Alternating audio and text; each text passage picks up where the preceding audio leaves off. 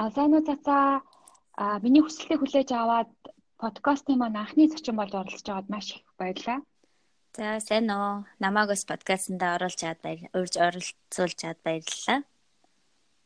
За би ингээд нөгөө чамайг урахтаа яг хэлжсэн шүү дээ. Энэ подкастыг ерөн сонирхлоороо хийдэг, дандаа ганцаараа ярьдаг, аль эсвэл хүртээгөө ингээд ярьдаг. Тэгээд ойрын хугацаанаас ингээд яг ингээд мундаг хүмүүстэй бас ярилцсан хүмүүс хэрэгтэй мэдээлэл хүргэе гэж бодоод чамайг ингээд урьсан байгаа. Баярлаа. Тэгээд юуны түрүүнд ааха тата бит хоёр яг яа танилцсан тухай ингээд ярил бит хоёр ингээд нөө CFA гэдэг энэ шалгалт өгөх яг энэ шугамар бол анх танилцчихсан.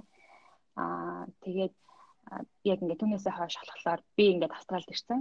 Аа тэгээд цацаа болохоор Америкт амьдарч байгаа. Бит хоёр ингээд фэйсбүүкээр байн холбогддог холбогдоод ингээд одоо хүртэл ингээд явж байгаа. Тэгээд цацаагаа ингээд танилцуулах юм бол цацаа маань Америк нэгдсэн улсын Бостон хотод Бостонгийн их сургуульд бизнес анализ чиглэлээр суралцдаг. Аа тэгээд үүнийхээ хажуугаар CFA-гийн 3 дахь түвшний шалгалтанд бэлтжиж байгаа. Аа хичээлээ дуусгасан. Аа тэгээд дуусгаад одоо акцион гэдэг financial group болохоор internship-ийг хийж байгаа. Аа маш мундаг бүсгүүчүүдийн нэг байгаа. Тэгээд За хоёлаа яриагаа чамайг одоо яг Монголд юу хийж байсан, ямар байгууллагад ажиллаж исэн талаар эхлэх үү? Аа за тэгье. Би өнгөрсөн оны 8 сард энд ирсэн. А тэрнээс өмнө Монголд 10 жил Mobicom компанид ажилласан. Ерөнхийдөө бол санхүүгийн менежмент аа тэгээ корпорацийн санхүү, стратеги гэсэн тиймэрхүү чиглэлээр ажиллаж чад ирсэн байна. Аха. Баярлалаа. За ер нь бол подкастаараа хоёул яг санаа одоо хоёул ярилцчихсан шүү дээ санаа нь болохоор хүмүүст яг энэ Fulbright гэдэг дэлгэхийн талаар мэдээлэл өгөөд а ер нь одоо хэрхэн яаж тэнцэх вэ тэр арга барилаас а мөн энэ тэтгэлэг авсны дараа ингээд ямар тийм том мундаг боломжууд ингээд гарч ирдэг. Тэгээд энэ нь ингээд яг амьдралд нь одоо хувь хүнийхэн хувьд мөн карьер девелопментэнд нь яаж нөлөөлж байгаа талаар мэдээлэл хүргэх үү? Аа за тэгээ Би болохоор одоо энэ Fulbright хөтөлбөрийн нэг салбар болох Hubert Humphrey гээд дунд шатны мэрэгжнэл мэрэгжилтнүүдэд зориулсан юм 10 сараас бараг жил 6 сар хүртэлх хугацаатай байж болох ийм хөтөлбөрт хамрагдаж байгаа байхгүй юу. Тэгээд Америк элчингээс болохоор жил болгоны 5 сар 4-өөс 5 сар зарлалдаг жилдээ нэг юм уу 2 хүн Монголоос э, ер нь шалгаруулж оролцуулдаг. Нийтдээ нэг хамаарч байгаа хүмүүс нь жилдээ 100 150 орчим байдаг жил болгон. Тэгээ энэ болохоор айгүй гоё хөтөлбөр. Би одоо энэ хөтөлбөр тэнцэж хамрагдаж байгаадаа маш их баяртай байдаг.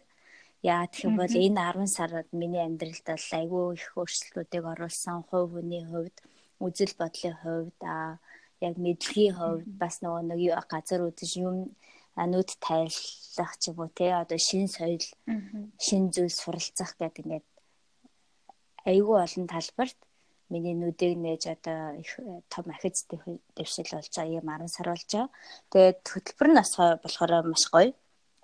Яа гэх юм бол одоо бүх сургалтын төлбөр нь бас тэр элчингээс гарна Америкийн дээр төрийн департаментаас л ерөнх санхүүжилттэй. Тэндээс нь болохоор сургалтын төлбөрүүд нь гарч ирнэ. Ирэх буц сонгоцны нислэг. Тэгээл энэ нислэгийн төлбөр энд байх хугацаанд эрүүл мэндийн даатгал тэгээ өөрийгөө хувь хүний хөгжилтөд зориулаарай гэд бас тодорхой хэмжээний тийм сабсиди өгөн тэ тэрүүгээр нь би янз бүр өөрийнхөө сонирхолтой одоо семинар хөтөлбөр сууж болно CFA-гийн төлбөрийг төлж болно ч гэдэг юм уу. Ер нь л одоо миний хувь хүний хөгжлийн чиглэл шаардлагатай гэсэн тийм арга хэмжээнүүдэд зориулж зарцуулах хэрэгтэй байхгүй тий. Тэрийгэ хэрвээ би зарцуулахгүй бол буцаагаад мөнгө өгөх хэрэгтэй. Тэгэхээр аль болох ингээд зарцуулах тусмаа сайн гэсэн тийм логиктэй. Тэр нь бол айгуу гоё. Тэгээ дээрэс нь бас яг Америкийн а компаниудад яг өөрийнхөө сонирхсан чиглэлээрээ бас дадлах их заавал тийм зайлшгүй шаардлага тавьдаг. Тэгснээр болохоор Монголын компаниуд Америкийн компаниуд ямар ялгаатай юу сурж болох уу гэ хувь хүний төвшин ч гэсэн өөрийгөө сорих тийм боломжтой ийм хөтөлбөр тэгээд би бас маш их баяртай байдаг. Аа тэгээд чи түрүүнд асуусан те ерөөхдөө ийм хөтөлбөрт одоо яг юуг нь хардыг яавал илүү тэнцэх магадлал өндөртэй вэ гэдэг. Тэгээд миний харж байгаагаар болохоор За хэл бол ойлгомжтой тий. Заавал англи хэлний зөв хэмжээний мэдлэгтэй хэрэгтэй. А тэгээ тэрнээс гадна Америк гэдэг одоо ерөнхийн өндөр хөгжилтэй улсуудад хувийн одоо яг ажиллаж байгаа газраа манлайлал ур чадвараа харуулхаасаа гадна ер нь нийгэмдээ юу хийж хийж бүтээсэн эсвэл хийж бүтээх одоо хүсэл эрмэлзэлтэй юм тий одоо зөвхөн ингээд надад энэ хөрөнгө оруулаад зогсохгүй. Надад хөрөнгө оруулснараа ард нь байгаа дахиад 10 ч юм уу 100 ч юм уу монгол хүмүүст хөрөнгө оруулах тийм сонирхолтой байгаа гэж ойлгож байгаа. Тэгэхээр тийм одоо бусдаа бус хүмүүс туслах, контрибут хийх, нийгэмдээ туслах юм хэрэг хүсэл эрмэлзэлтэй, боломжтой тийм хүн бэ гэдгийг бас илүү хартай юм шиг санагдсан. Тэгэхээр бол нөө ажил хийж байгаа ажлынхаа хувьд ахиц дэвшил үзүүлсэн, манлайл үзүүлсэн тийм байх хэрэгтэй. Дээрээс нас community буюу одоо нэг нийгэмдээ хэрэг хөв нэмэр үзүүлэх чадамжтай хүсэл эрмэлзэлтэй гэдэг нь тэгээ дээрээс нь бусад хэлний мэдлэг ингээд нэмэлт юмнууд нь бас хэрэгтэй шалгаруултанд илүү их нөгөө үр нөлөө үзүүлдэг байх гэж бодогцсон. Тий. Баярлалаа. Тэгээд татаа ингэсэжтэй одоо янз бүрийн ивент одоо яг чиний хувьд болохоор одоо бүхэл бүтэн Бостон гэдэг те одоо Америкийн хамгийн том дэлхийн шилдэг сургуулиуд байрладаг тийм одоо хотод амьдарч байгаа. Аа тэгээд чи ингээд өмнө хэлж байсанчлан одоо Harvard эсвэл MIT тэгээд танаа сургуулиуд янз бүрийн ивентүүд зохион байгуулдаг. Чиний ингээд хамгийн сэтгэл хоногшсон төөх одоо юм одоо ийм байд юм бах та одоо магадгүй чи өөрөө хүүе би ч одоо ингээд дэлхийн хүн байж тээ. Хүн болгоны мөрөөдөл өнөөдөр Харвард те одоо ямар байдаг бол тэнд очиж суралцах юмсан. Магадгүй хүм олны мөрөөдөл би хүүхдээ тэнд сурах юмсан ч юм уу гэд бодож исэн. Тэгээ чамд боддог байх. А чамд ингээд яг Харвардд ороод те тиймэрхүү ивент эндэрт нь ороод ямар сэтгэл төрж исэн. Тэгээд нөгөө нэг ер нь яг яагаад чи Бостонгийн их сургуульд очиж суралцахаар болсон юм бэ гэдэг шалтгаанаа бас ер нь одоо тэр талаар яриул. Тийм яг үндэ энд ирэхээс өмнө би болохоор Америкийн талаарх нэг тийм ойлголт сайн мэдлэг байгаагүй. Ингээл хүмүүс ярьдаг штэ баруун эрэг зүүн эрэг гэл ингээл том том хотуудын нэр хэлээл яриад байдаг. Яг хаана нь байдгийг ингээ яг тэрийг би ингээ толгоондоо яг дүрсэлж ингээд тоймлж хаана гэдэг тийм тодорхой тийм тойм байхгүйсэн байхгүй.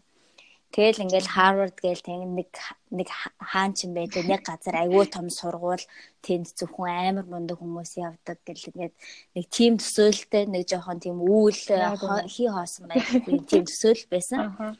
Тэгэд яг энд ирсэн чинь айгүй азар би Босонд ирж таарсан. Яг тийм бол миний чиглэл болохоор банк санхүү гэсэн чиглэлтэй. Тэгэхээр энэ хөтөлбөрөөр банк санхүүгийн чиглэлээр оролцож байгаа оролцогчид болохоор энэ Бостоныг сургуульд сонгогдож ирдэг байхгүй. Тийм болохоор би ер нь сонгоогүй. Аа цаанаас ингэ ийм хуваарлалтай ирсэн. Тэгээ азар. Тэгээ энд болохоор MIT, тэгэл Harvard одоо яг стартапын чиглэлээр Babson College, тэгэл Boston University гэдэг айгүй том том сургуулиуд байдаг. Тэгээд юу их анзаарсан бэ гэхээр энэ том сургуулиуд энэ одоо гой гой боломжууд тийм тэнгэр дээр байгаа тийм үүлэн дээр байгаа хурж бошгүй биш юм байна гэж би ойлгосон. Тийм бүх зөндөө олон хүмүүс сураад байна. Ялангуяа монгол хүмүүст аа тэг хөгжиж буй орноос орнуудаас ирж байгаа хүмүүс илүү давуу талтай юм шигтэй өрсөлдөж байгаа хүмүүс нарийн өөр байгаа байхгүй юу? анхны гараа нь болохоор шал өөрөөсөн тий аав ээж нь мөнгөтэй багасаа илүү их нөгөөнөөс сургалт шин зөндөө юмнууд ингээд сураад ингээд анхны өгөгдөл нь өгөгдөл нь биш анхны өгөгдөл нь биш ер нь ингээд нөгөө нөхцөл нь анх нөхцлүүд нь өөр байгаа байхгүй. Тэгэхээр Монголд сурж байгаа хүмүүс ямар одоо сургаалт ямар орчин нөхцлөөс гарч ирж энд өрсөлдөж байгаа байлээ гэх. Тэр нь болохоор баг хүн болгоныг айгүй тийм юуник онцгой болгож харагдуулахар тийм байгаа байхгүй. Тэгэхээр тийм ч амар хурж боломгүй хаа хоолын газар биш, хаа хоолын мөрөөдөл биш юм байна гэдэг тийм л юм ойлгож явсан. Аа За за чи ингээд бизнес аналист одоо дата аналист гэдэг яг энэ чиглэлээр сурж байгаа шүү дээ. Яг гинт одоо санхүүгийн мэрэгжлийн хүнтэй миний хоорол ингээд санхүүгийн чиглэлээр одоо магадгүй магистр хамгаалмарч юм шиг. Гэтэл яг яагаад одоо дата болон те бизнес аналист гэдэг яг энэ чиглэлээр судлах болсон шалтгаанаа бас бидэнтэй хуваалцахгүй юу? Аха. Анх ирж явахдаа бас би яг л тэгж бодож байсан. Монголд их сургуулаа санхүүгээр төгсөөд тэгээд яг санхүүгийн чиглэлээрээ 10 жил ажиллаад дээрээс нь CFO-гоо явахаар мастер би дахиад санхүүгээр л хийх ёстой юм биш үү гэж бодож байсан байхгүй. Тэгээ эренгүүд энд нөхцөл байдал арай өөр эсэ. Одоо ингээл тэ data analysis, business analytics гин эсвэл big data гэл ингээл бүх одоо нөгөө нэг орчин нөхцөл нь дандаа тийшээ чиглэлсэн байгаа байхгүй юу. Маш олон оюутнууд тэр data analysis, business analytics гэдэг чиглэлээр сурж байна. Бүхэн Америкийн том компаниуд нь тийм ур чадвартай туршлагатай хүмүүсийг ажилд авахыг эрмэлзэж байна ирэх одоо ирээдүйн хэдэн жил бас асар их хэмжээний эрэлт хэрэгцээ байхаар байна гэд ингээд нэгэн буцлаад болоод байгаа байхгүй. Тэгэхээр би тэрний нэг хэсэг бас баймаар санагдаад баймаар. Тэгээд надад бас илүү сонирхолтой санагдсан. Хэдийгээр надад тийм техникийн суурь байхгүй ч гэсэн яагаад яагаад байж болохгүй гэж магадгүй би ингээд энэ чиглэлээр сурах юм бол миний өмнө сурсан зүйл тэгээд миний туршлагатай ингээд нийлээд гоё одоо шин үнцэн болох юм шүү. Намайг хөдөлмөрийн зах зээлд миний хувь хүний хувьд илүү их нөгөө нэг онцгой содон болох юм шиг санагдаад. илүү ялгарах. Тий, ялгарах. Одоо миний differentiation одоо миний хувь хүний стратеги бодоо ярих юм бол миний differentiation болохоор юм шүү гэд бодоод ингээд айгүй олон талаас нь бодонгууд яг ингэж таарсан аахгүй. Тэгээд би бол харамсахгүй байгаа. Энэ чиглэлийг сонгоод сурж байгаа. Да бас их баяртай байгаа. Тэгээд за за би бас яг чамд баярлаа гэж хэлмээр байдаг. Би нэг чамтай нэг сар дэлүүд, хоёр сар дэлүүд байц. Бас ахаал нөө нэг шалгалт нөө CFA шалгалтын талаар юм асуугаал болж байхдаа яг чиний дата одоо яг энэ аналитикийн чиглэлээр суралцж байгаа гээл те надад айгүй чухал үн цэнтэй гэдэг имийг нь ярьснаас хойш би одоо яг энэ нэг дата майнинг гэдэг энэ одоо хичээлийг сонгоод бас ингээд судлаад ингээд явж байгаа. Тэгэхээр магадгүй бит хоёрын одоо энэ яриа бас те надад ингээд хүрсэн шиг маш олон хүмүүс бас энэ чиглэлээр одоо суралцах хэрэгтэй юм байна гэдэг тийм мессежийг өгөөсэй гэж бас бодож байна. Тэгээд яг энэ яг энэ чиглэлээр ер нь ямар өргөн хэрэглэгддэг language-ууд байд одоо хэлнүүд байдаг вэ? Тэгээд ер нь ингээд яг хэрэглээнийхэн талаас аа хүмүүс одоо жишээ Python гэл ингээд барал хүн болгон ингээд яриад байдаг. Гэхдээ ингээд яг энэ чиг юу хийдэг юм юм бэ? Ямар үр дүн биднэрт гаргаж өгөх ёстой юм? Яагаад энэ том компаниуд ер нь ийм чиглийн хүмүүс эднэрт хэрэгтэй байгаа тул болоод байгаа юм бэ гэдэг талаас нь бас хоёлоо ярилцах уу? Аа. Тийм. Тэг яг програмын хэлүүд тэгэхээр би бас яг энэ чиглэлээр нэг амар тэгж мастер тэгсэн тийм төвшөнд бас биш байгаа. Гэхдээ яг сураад сонирхоо явж байгаа. Тэгээд програмын хэлүүд гэдэг юм бол тэгэл нөгөө нэг чиний сайн хэлсэн Python тэгээд R Studio R гэд тэрийг л илүү хөргө хэрэгэлт юм байлээ. Гэхдээ а юу ойлгож авсан бэ гэхээр зүгээр ингээд код бичээл ах юм бол тэр бол нэг амир хамгийн чухал юм биш байгаа байхгүй. Бараг ингээл ийм ийм одоо үйлдэл хийдэг код яаж явах вэ гэх юм бол интернетээс бараг хайгаал болчихно. Тэгтээ гол нь тэгээд ингээд ард нь байгаа айгүй том тийм дата баз өгөгдөл байгаа тий тэрнээс юу гаргаж аваад тий тэр хинт хэрэгтэй байх уу? Хаана үнц нь бий болох вэ? Гэдгийг л гэдгийг л илүү нөгөө нэг бодох нь яг тэр дата аналисттэй ажил юм байлээ л дээ. Тэрнээсээ зүгээр ингээл нэг тоонууд гаргаж ирээл нашин чаашин сортлол те нэг юм өгөгдөл гаргаж үр дүн гаргаж ирээл ах нь бол эцсийн зорилго нь биш. Статистикийн талаар мэдлэгтэй, бизнесийн талаар мэдлэгтэй, дээрэс нь яг энэ програмын чиглэлээр мэдлэгтэй. Ийм байж энэ гурыг одоо а гурвууланг нь хамраад Тэгээд эцэстээ хэний ямар асуудлыг яаж шийдэхэд нь туслах юм бэ гэдэг тийм шийдэл гаргах нь л өөрөө энэ дата аналист хүмүүсийн ажил юм байлээ л дээ. Ер нь тэгж ойлгосон. Тэгэд програмын хэлний хувьд те түрүүний хэлсэн те R studio тэр хоёрыг л их хэрэгэлдэм. А хэрэглээний хувьд юм бол эхлээд би бас ойлгохгүй байсан. Ингээл хичээл дээр ингээл заагаал жоохон бас ингээ хөвөөд байгаа юм шиг.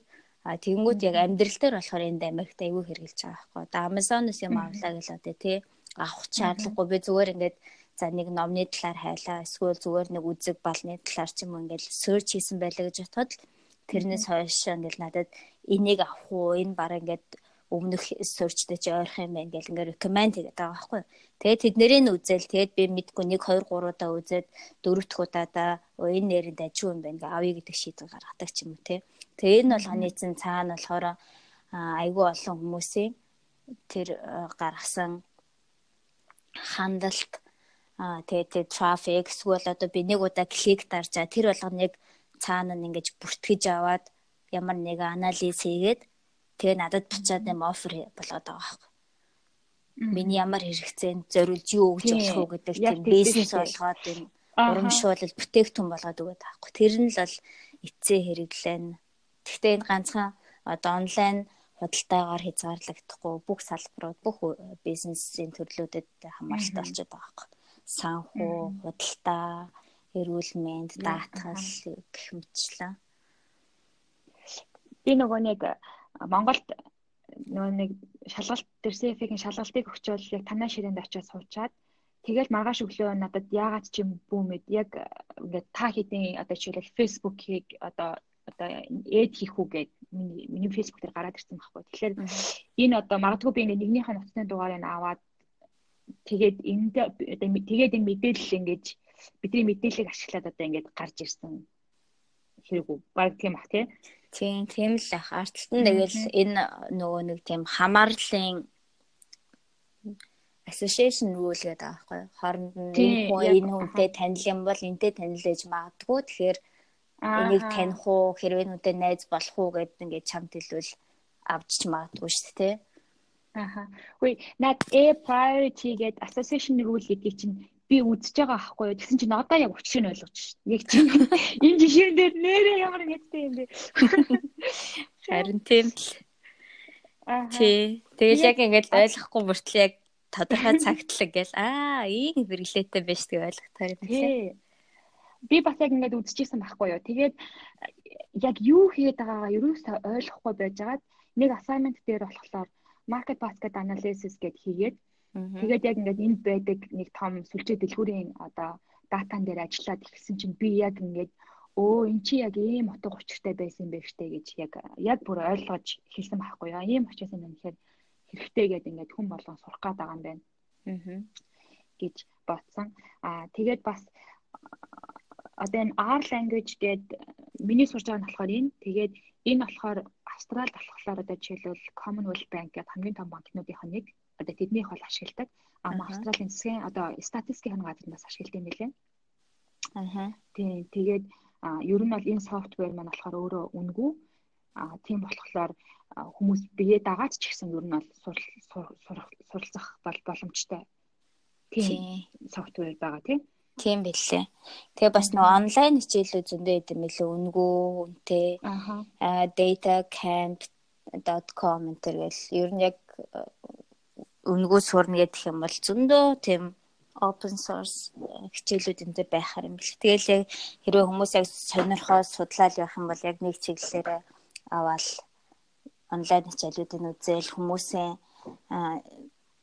нэг хийж ирсэн юмнуудыг интернетээс хайгаал үз бүрэн боломжтой. Аа. Тийм. Аа цацаа одоо чи Монголд одоо бакалавра хамгаалсан. Аа тэгээд одоо магистра ингээд 10 10 жилийн дараа гэсэн үү тий? Тийм. Магистра хамгаалж байна. Аа тэгээд одоо ингээд хичээл орж байгаа хэв маяг нь мэдээж яаж одоо Бостны их сургуулийг те ингээд харьцуулах уу. Гэхдээ ингээд чамд пах ингээд хичээл чи ингэж гоё ордог байсан юм. Профессорууд нь ямар мундаг юм бэ ч юм уу те. Тэнд ингээд хичээл юм яг яаж ордог талаараас биднэрт гоё ярьж өгөөч тээ. Аа. Анх ирээд бол эхний семестр амар хэцүү байсан. Би тэг угаасаа сураагүй айгу удцсан. За CFA бэлтгэхдээ ерөөхдөө би өөрийнхөө нөгөө зав зай өөрийнхөө цагийн хуваараар бэлтждэг болохоор ингээд арай өөр. Тэг анх анх энэ дээрээ эхний семестр нэлээд чанга байсан л да. Тэгээд 3 4 хичээл авцсан. Ердөөсөө 3 4 хичээлээ артаас гаднад чайг өгсөн мөлий. Баян ингээл даалгаврууд өгнө одоо Монголд ингээд сурж байгаа чи хвчлэн ингээд нэг сэдвүүд өгч өгч жаал нэг хугацааны дунд нэг шалгалт аваад авал авал авахгүй бол төгсөлт нь аваад тэгээд дуусчдаг шүү дээ. Тэгэхээр энд болохоор ердөөсөө тэхгүй ингээд нэг сэдв үзэл тэрийг ингээд баттгаад яваад хашаад таахгүй юу.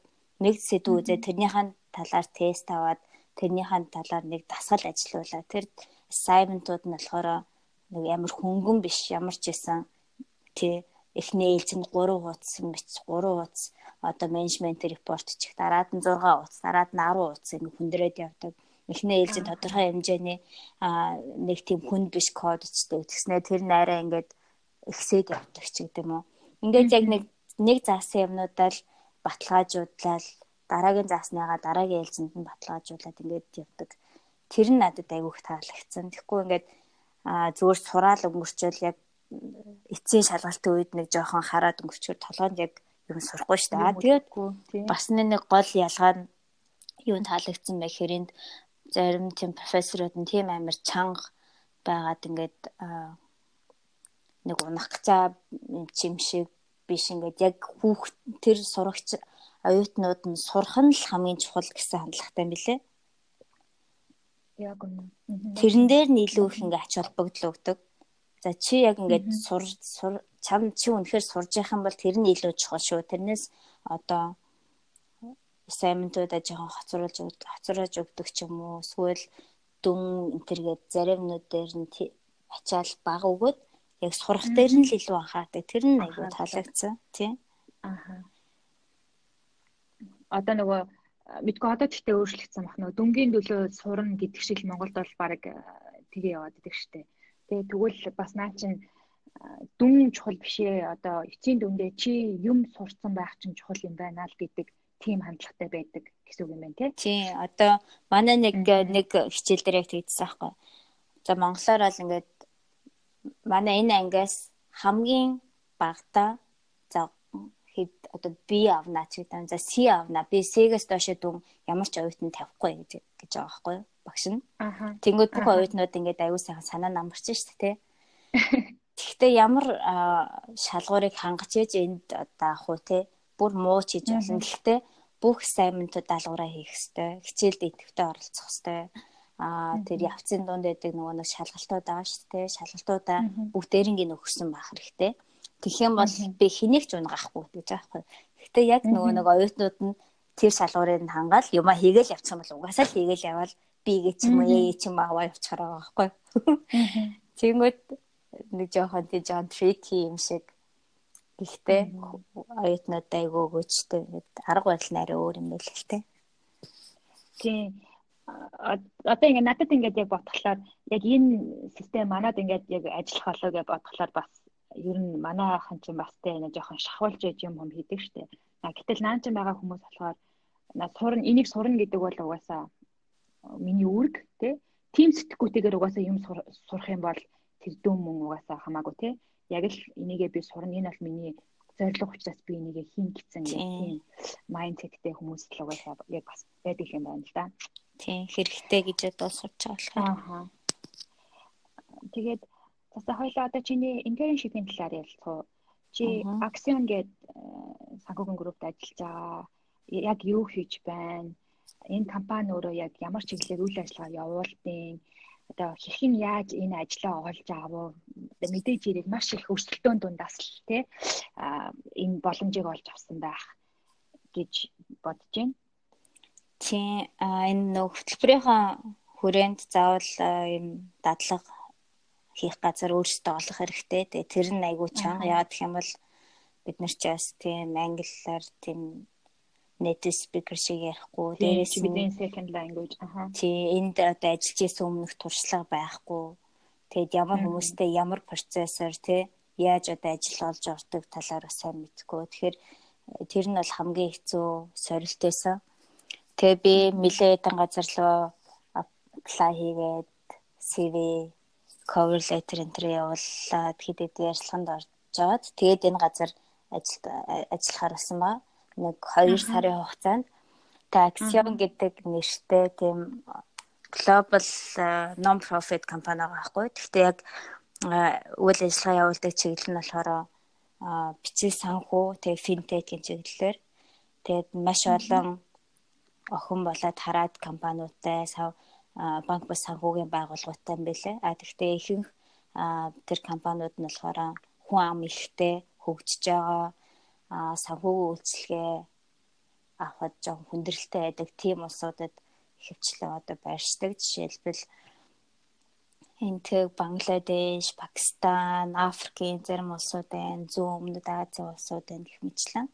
Тэгээ би болохоор нэг Мянмарын Мянмар гэдэг улсын нэг банк ба санхүүгийн байгууллагын хоёр төсөл дээр нь ажиллаж байгаа. Тэгээ маш сонирхолтой Одоо чи бичиг санхүүгийн салбарт нэлээ өөрчлөгдөд байгаа юм байна. Хувьсаж өөрчлөгдөд байгаа юм байна гэж би ойлгосон. Яг энэ дадлага хийж явах хавцтай. Одоо Монгол болохоор арай өөр ахгүй те банкуд найгуусаа өгдсөн болохоор банкуд санхүү гэхээр нөгөө нэг янз бүр өмнөх хэрэг мэрэгтэй холбоотойгоор тийм өндөр нэр хүндтэй биш.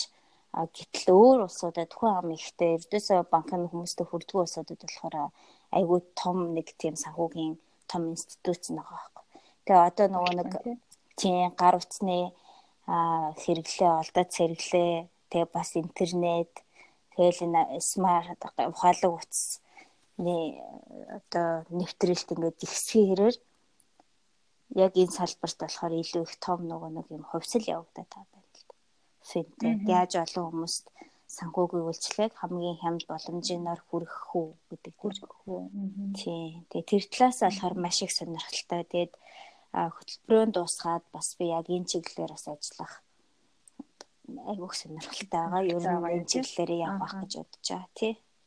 Түрүүн яг хэлсэн шүү дээ бид ингээд 8 сард би энд ирсэн. Ингээд 1 жилийн хугацаанд бол тий одоо Америкт анх удаа ирсэн. Тэгээд мэдээж ирээд ингээл 2015 оноос хойш ингээл те энэ ишигээ явна гэд бодож байхад чинь ингээд дотор чинь ямар нэгэн тийм expectation үүсцэн те за би энэ яг ийм л газар байгаа те гэд ингээд ботцсон ингээд нэг тийм төсөөлөл байгаа штэ тэгээд яг одоо ингээд ирээд яхад тэр төсөөллийг чинь төсөөлөл чинь ер нь хүрсэн үү а тэгээд энэ нэг жилийн хугацаа энэ тэтгэлэг хөтөлбөр яг чиний хувьд яг яг ямар ганц өөрчлөлтийг одоо хувь хүний чинь хувьд те магадгүй хувийн амьдралын чинь хувьд авчирсан байх гэж чи ингээд дүгнэж хэлэх вэ?